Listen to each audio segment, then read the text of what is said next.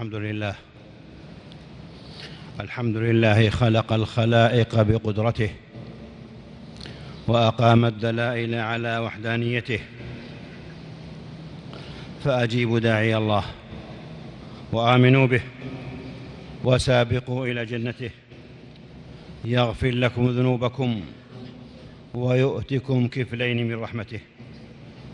أحمده سبحانه وأتوب إليه وأستغفره. واشكره على توفيقه وسابغ نعمته. واشهد أن لا إله إلا الله وحده لا شريك له مقرا بوحدانيته. واشهد أن سيدنا ونبينا محمدا عبد الله ورسوله. قام بحق دعوته وقام لله بحجته. صلى الله وسلم وبارك عليه. وعلى آله الطيبين السادة عترته وأصحابه الغر الميامين خير امته والتابعين ومن تبعهم بإحسان وسار على نهجه وسنته وسلم تسليما كثيرا كثيرا مزيدا إلى يوم الدين يوم يود المرء لو يفتدي ببنيه وصاحبته وأخيه وفصيلته أما بعد فأوصيكم أيها الناس ونفسي بتقوى الله فاتقوا الله رحمكم الله. فالدنيا دار ممر والآخرة هي القرار والمقر. فتزودوا من ممركم لمقركم فقد رحل الراحلون وسترحلون. وتركوا الأهل وتركوا الأهل والأموال والديار وستتركون. وقدموا على ما قدموا وستقدمون. ووقفوا على أعمالهم وستقفون. وقد سئلوا وقد سئلوا وسوف تسألون. فجدوا فجدوا فجدوا, فجدوا وبادروا فسيأتيكم ما توعدون. يوم ينفخ في الصور ويبعث من في القبور ويحصل ما في الصدور ويكشف كل مستور. ونفخ في الصور فصعق من في السماوات ومن في الأرض إلا من شاء الله. ثم نفخ فيه أخرى. فإذا هم قيام ينظرون وأشرقت الأرض بنور ربها ووضع الكتاب وجيء بالنبيين والشهداء وقضي بينهم بالحق وهم لا يظلمون ووفيت كل نفس ما عملت وهو أعلم بما يفعلون. أيها المسلمون في ختام عام واستقبال آخر يستعذب الوقوف من أجل المحاسبة والنظر في حساب المكسب والخسارة. من أحسن فليحمد الله وليستزد فخير الزاد التقوى ومن قصر فليستدرك فلا يزال في الأجل فسحة ويتوب الله على من تاب. اللهم اجعل حاضرنا خيرا من ماضينا ومستقبلنا خيرا من حاضرينا ووفقنا لصالح العمل وجنبنا الفتن ما ظهر منها وما بطن واجمع اللهم كلمة المسلمين على الحق والهدى وأعز الإسلام وأهله وأذل الباطل وأعداء الملة. معاشر الأحبة في مراجعة جادة ونظرة صادقة لأوضاع الأمة وأحوالها تاملوا قول الله تعالى إن الله لا يغير ما بقوم حتى يغيروا ما بأنفسهم. المسلمون لم يفتحوا أرضا إلا بذكر الله. ولم تقل ولم تقم لهم دولة إلا على منهج الله ولم تغز ديارهم إلا بالغفلة عن الله والتنكب عن صراط الله والتقصير في حقوق عباد الله. معاشر الإخوة وحديث المحاسبة طويل ولكنه يسير حين حين تصح العزائم وتخلص النوايا. وهذه وقفة مع صورة من أحوال الأمة ووضع بعض فئاتها والنظر في حقوقها. بل هذه الفئة هي بإذن الله باب النصر ومستجلب الرزق كما صحت بذلك الأخبار عن النبي المصطفى المختار عليه الصلاة والسلام. يقول نبيكم محمد صلى الله عليه وسلم كما في صحيح البخاري رحمه الله وهل تنصرون وترزقون إلا بضعفائكم. أيها المسلمون الضعف حالة ملازمة لكل البشر فالإنسان خلق من ضعف وهو إلى الضعف صائر. فلقد قضت سنة الله في الطبيعة البشرية أن كل إنسان في هذه الدنيا لا بد أن يمر بحالات من الضعف ووهن القوى والحاجة إلى الآخرين ويكفي العاقل النظر في حال الإنسان وتدرجه ونموه فهو يولد ضعيفا محتاجا إلى إلى من يهتم به ويرعاه ثم يكبر فيمنحه الله القوة ليرد الجميل إلى من اهتم به ورعاه ويشكر النعمة ثم يرد إلى حال الضعف مرة أخرى. الله الذي خلقكم من ضعف ثم جعل من بعد ضعف قوة ثم جعل من بعد قوة ضعفا وشيبة. يخلق ما يشاء وهو العليم القدير. عباد الله وإذا كان ذلك كذلك فإن حقا على العاقل اللبيب أن ينظر في من ابتلوا بضعف دائم وعجز مقيم في صروف الدهر وظروف الأحوال ومن أراد استحضار بعض حالات الضعف وصور العجز فليستذكر وليستحضر حالة صبية صغار وذرية ضعفاء ساعة احتضار وليهم ودنو أجله. يتركهم هذا المحتضر يخشى عليهم تقلبات الأيام وقسوة الحياة وجفاء من يرجوه وصدود من يؤمله. يتمنى لهم وليا مرشدا يعوضهم مكانه ويوالي عليهم بره وإحسانه. وليخشى الذين لو تركوا من خلفهم ذرية ضعفاء ذرية ضعافا. فليتقوا خافوا عليهم فليتقوا الله وليقولوا قولا سديدا. معاشر الأحبة الضعفة والضعاف والضعفاء أسماء وألقاب لصور غير محصورة وفئات غير محدودة. الضعفاء والمستضعفون والضعفة هم ذو الحاجات غير القادرين. من الفقراء والمساكين والمرضى والغرباء وأبناء السبيل واليتامى والأرامل والأيامى والموقوف عليهم في الأوقاف والموصى لهم وبهم في الوصايا والمظلومين وأصحاب الحقوق من العمال والأسرى والأجراء وذوي الاحتياجات الخاصة والواقعين في الكوارث والنكبات والمشردين والمهجرين صغارا وكبارا رجالا ونساء.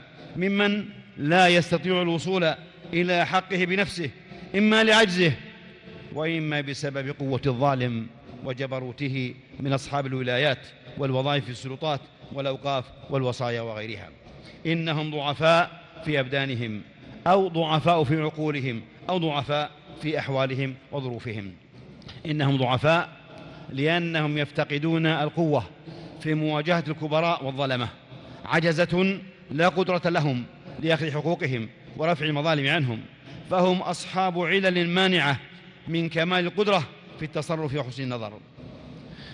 معاشر المسلمين ولمزيد من البيان في أنواع هؤلاء وصفاتهم تأملوا هذه النصوص الشرعية من الكتاب ومن السنة. حفظكم الله وحفظ بكم وحفظ لكم. يقول عز شأنه وأصابه الكبر وله ذرية ضعفاء. وقال جل وعلا وليخشى الذين لو تركوا من خلفهم ذرية ضعافا خافوا عليهم فليتقوا الله وليقولوا قولا سديدا. ويقول جل وعلا فإن كان الذي عليه الحق سفيها أو ضعيفا أو لا يستطيع أن يمل. وقال عز شأنه ليس على الضعفاء ولا على المرضى ولا على الذين لا يجدون ما ينفقون حرج إذا نصحوا لله ورسوله. ويقول تعالى وما لكم لا تقاتلوا في سبيل الله والمستضعفين من الرجال والنساء والولدان الذين يقولون ربنا أخرجنا من هذه القرية الظالم أهلها واجعل لنا من لدنك وليا واجعل لنا من لدنك نصيرا. ويقول عز شانه فدعا ربه أني مغلوب فانتصر. وقال تعالى واصبر نفسك مع الذين يدعون ربهم بالغداة والعشي يريدون وجهه ولا تعد عيناك عنهم. تريد زينة الحياة الدنيا ولا تطع من أغفلنا قلبه عن ذكرنا واتبع هواه وكان أمره فرطا وفي الحديث ألا أخبركم بأهل الجنة كل ضعيف مستضعف لو أقسم على الله لا أبره. رواه البخاري. وفي رواية غير البخاري ألا أخبركم بخير عباد الله الضعيف المستضعف ذو الطمرين. لا يؤبه له لو أقسم على الله لا أبره وقال عليه الصلاة والسلام أيكم أما الناس فليخفف فإن فيهم الضعيف والسقيم وذا الحاجة. رواه مسلم. ويقول عليه الصلاة والسلام اللهم إني أحرج حق الضعيفين اليتيم والمرأة. حديث حسن. ومعنى أحرج أي ألحق الحرج وهو الإثم لمن ضيع حقوقهما. ويقول عليه الصلاة والسلام الساعي على الأرملة, على الأرملة والمسكين كالمجاهد في سبيل الله.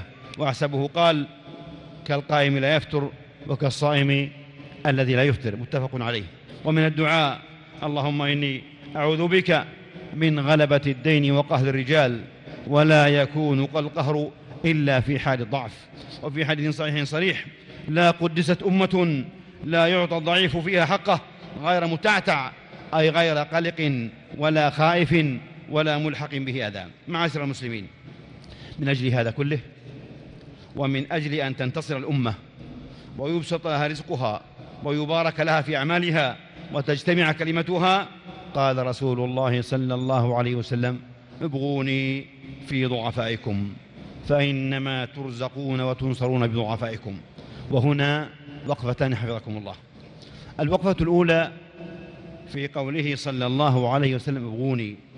قال أهل العلم أي اطلبوا محبتي وقربي ورضاي في ضعفائكم وتفقدوا أحوالهم واعتنوا بهم واحفظوا حقوقهم وأحسنوا إليهم قولا وفعلا واجبروا قلوبهم. ذلك أن نبيكم محمدا صلى الله عليه وسلم هو حامل الكل وكاسب المعدوم والمعين على نوائب الحق.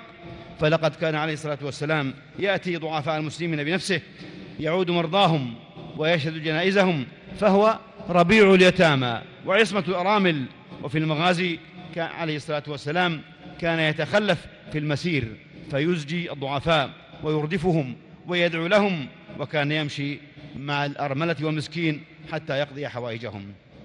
الوقفة الثانية في قوله صلى الله عليه وسلم فإنما ترزقون وتنصرون بضعفائكم.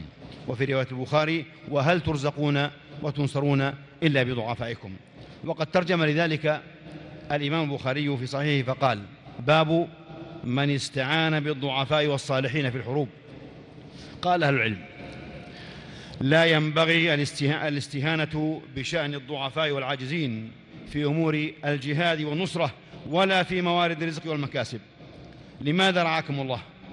لماذا كان النصر يستنزل بالضعفاء والرزق يستجلب بالمستضعفين لأن النصر والرزق كليهما من عند الله.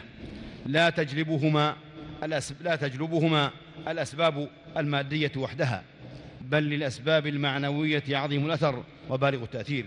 والضعفاء الذين لا حول لهم ولا قوة لا يركنون إلى مال ولا يأوون إلى جاه يعلمون حق العلم وموقنون حق اليقين أن كفايتهم ورزقهم ونصرهم من عند الله وأنهم في غاية العجز فتنكسر قلوبهم وتتوجه إلى الله ثقتهم ويصدق على الله اعتمادهم ويكون بالله طمعهم فينزل الله لهم من نصره ورزقه ما لا يدركه القادرون بل يفتح الله للقادرين بسببهم من أسباب النصر والرزق والصلاح والطمانينة والبركات ما لم يخطر لهم على بال ولم ولم يدر لهم بخيال ولله جنود السماوات والأرض الملك ملكه والأمر أمره والتدبير تدبيره والكل تحت قهره لا إله إلا هو.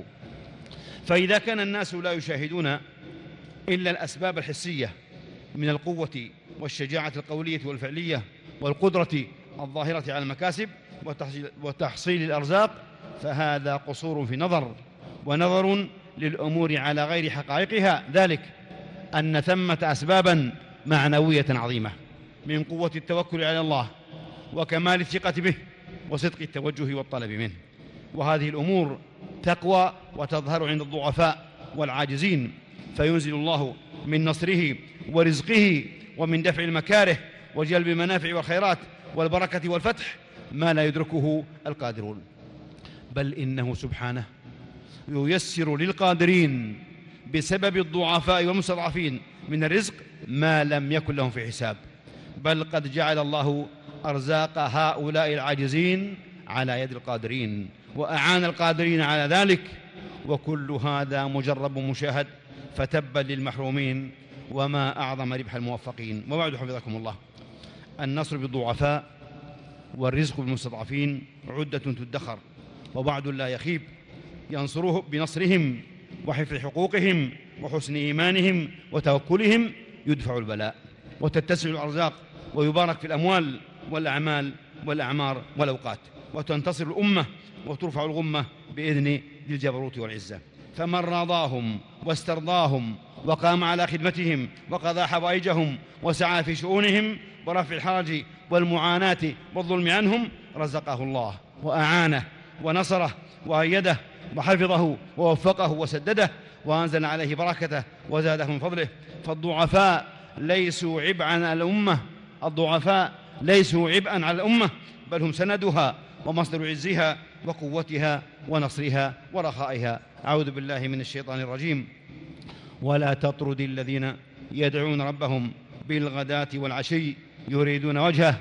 ما عليك من حسابهم من شيء وما من حسابك عليهم من شيء فتطردهم فتكون من الظالمين. نفعني الله وإياكم بهدي كتابه وبسنة نبيه محمد صلى الله عليه وسلم. وأقول قولي هذا وأستغفر الله لي ولكم ولسائر المسلمين من كل ذنب وخطيئة فاستغفروه إنه هو الغفور الرحيم.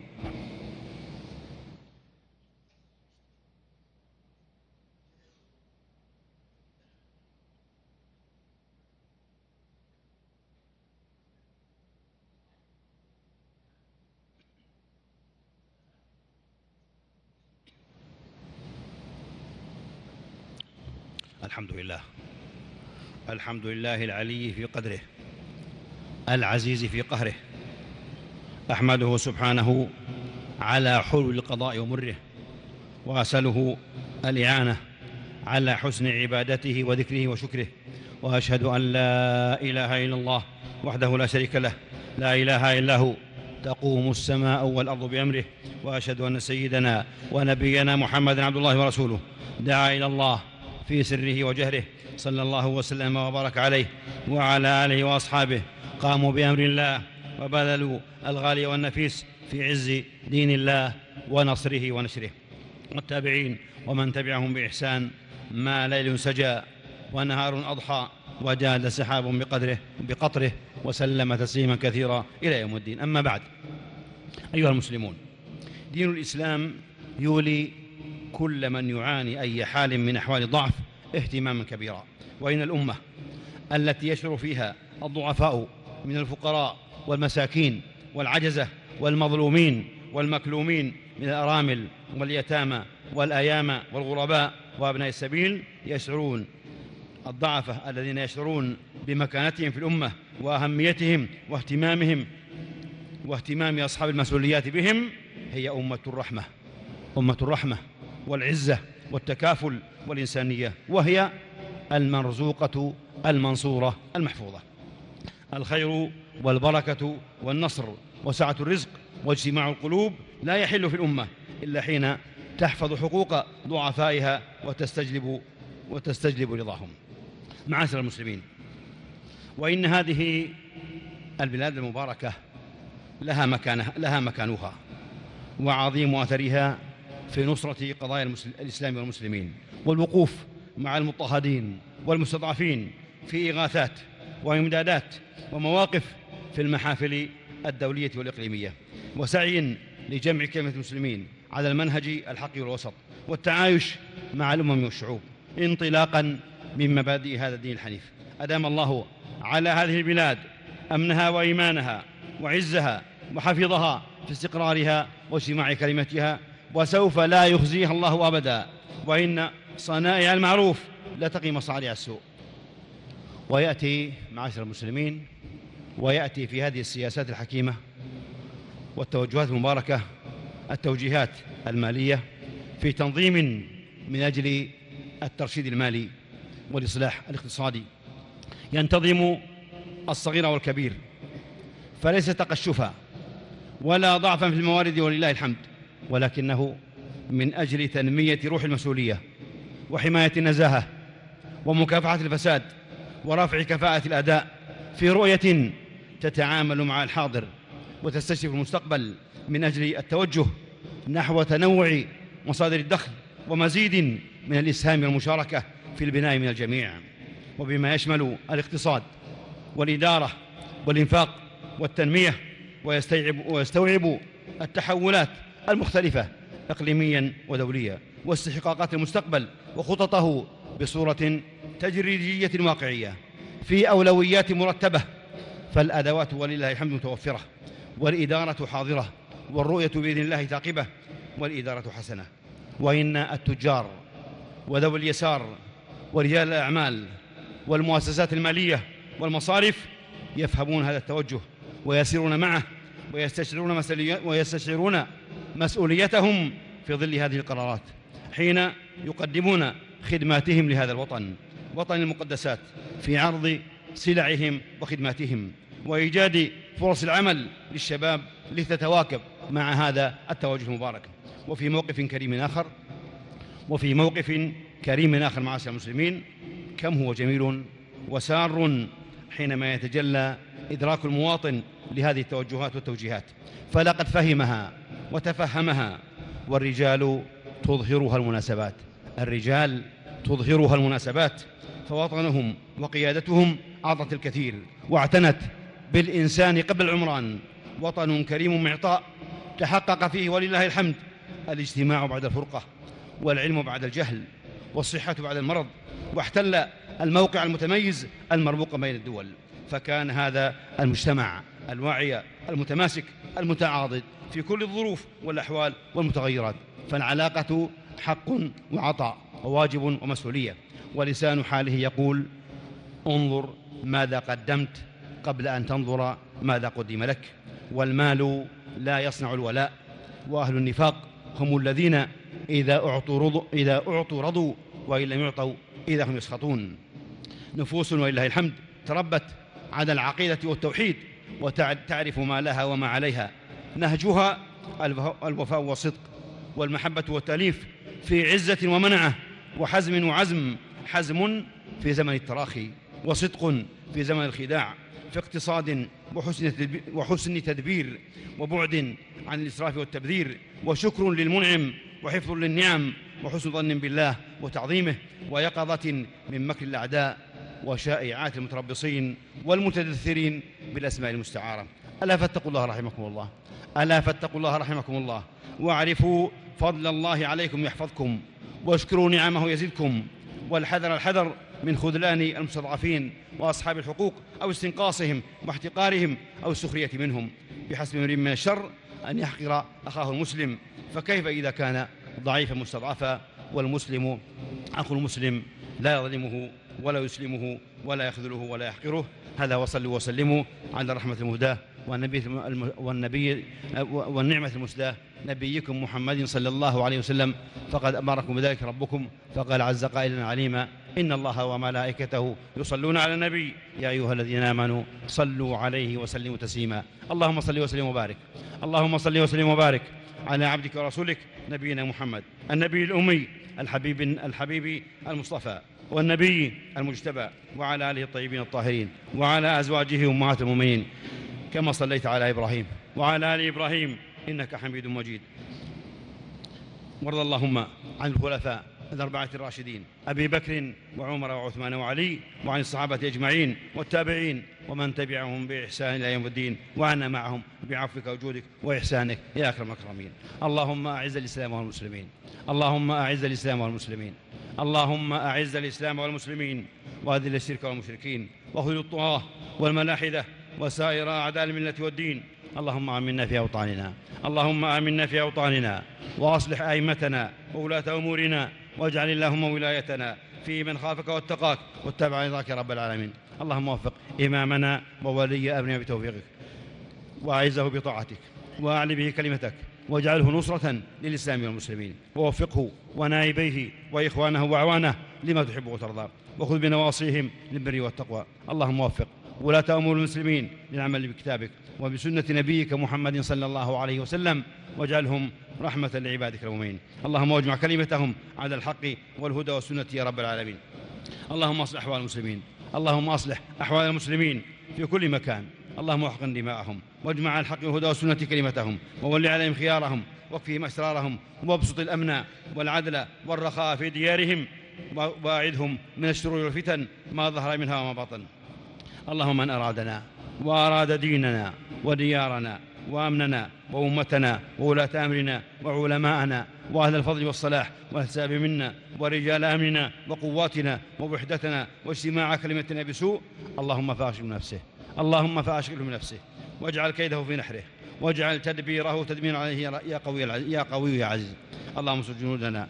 اللهم انصر جنودنا المرابطين على حدودنا. اللهم سدد رأيهم وصوب رميهم. وشد, أز... وشد, وشد أزرهم وقو عزائمهم وثبت أقدامهم واربط على قلوبهم وانصرهم على, على من بغى عليهم. اللهم أيدهم بتأييدك وانصرهم بنصرك. اللهم احفظهم من بين أيديهم ومن خلفهم وعن أيمانهم وعن شمائلهم ومن فوقهم. ونعوذ بك, ونعوذ بك اللهم أن يغتالوا من تحتهم. اللهم ارحم شهداءهم واشف جرحاهم واحفظهم في أهلهم وذرياتهم. إنك سميع الدعاء. اللهم يا ولي المؤمنين اللهم يا ولي المؤمنين. ويا ناصر المستضعفين ويا غية المستغيثين يا عظيم الرجاء ويا مجير الضعفاء. اللهم إن لنا إخوانا مستضعفين مظلومين في فلسطين وفي سوريا وفي بورما وفي أفريقيا الوسطى وفي ليبيا وفي العراق وفي اليمن. ونخص أهلنا ونخص أهلنا في حلب ونخص أهلنا في حلب. اللهم قد مسهم الضر وحل بهم الكرب واشتد عليهم الأمر. تعرضوا للظلم والطغيان والتشريد والحصار. سفكت دماؤهم وقتل أبرياؤهم ورملت نساؤهم ويتم أطفالهم وهدمت مساكنهم ومرافقهم. اللهم يا ناصر المستضعفين ويا منجي المؤمنين. اللهم انتصر لهم. اللهم انتصر لهم. وتولى أمرهم واكشف كربهم وارفع ضرهم. وعجل فرجهم. وألف بين قلوبهم. واجمع كلمتهم. ومدهم بمددك. وأيدهم بتأييدك. اللهم وعليك بالطغاة الظالمين. اللهم وعليك بالطغاة الظالمين. ومن شايعهم ومن أعانهم. اللهم فرق جمعهم وشتت شملهم ومزقهم كل مزق اللهم واجعل تدميرهم في تدبيرهم يا رب العالمين. اللهم عليك باليهود الغاصبين. اللهم عليك باليهود الغاصبين المحتلين. فإنهم لا يعجزونك اللهم وأنزل بهم بأسك الذي لا يرد عن القوم المجرمين. اللهم إنا ندرأ بك في نحورهم ونعوذ بك من شرورهم. اللهم اغفر اللهم اغفر لنا ذنوبنا. اللهم اغفر ذنوبنا. واستر عيوبنا ونفس كروبنا وعاف مبتلانا واشف مرضانا وارحم موتانا. ربنا ظلمنا أنفسنا وإن لم تغفر لنا وترحمنا لنكونن من الخاسرين. ربنا آتنا في الدنيا حسنة وفي, وفي الآخرة حسنة وقنا عذاب النار. عباد الله إن الله يأمر بالعدل والإحسان وإيتاء ذي القربى وينهى عن الفحشاء والمنكر والبغي يعظكم لعلكم تذكرون. فاذكروا الله يذكركم واشكروه على نعمه يزدكم ولذكر الله أكبر والله يعلم ما تصنعون.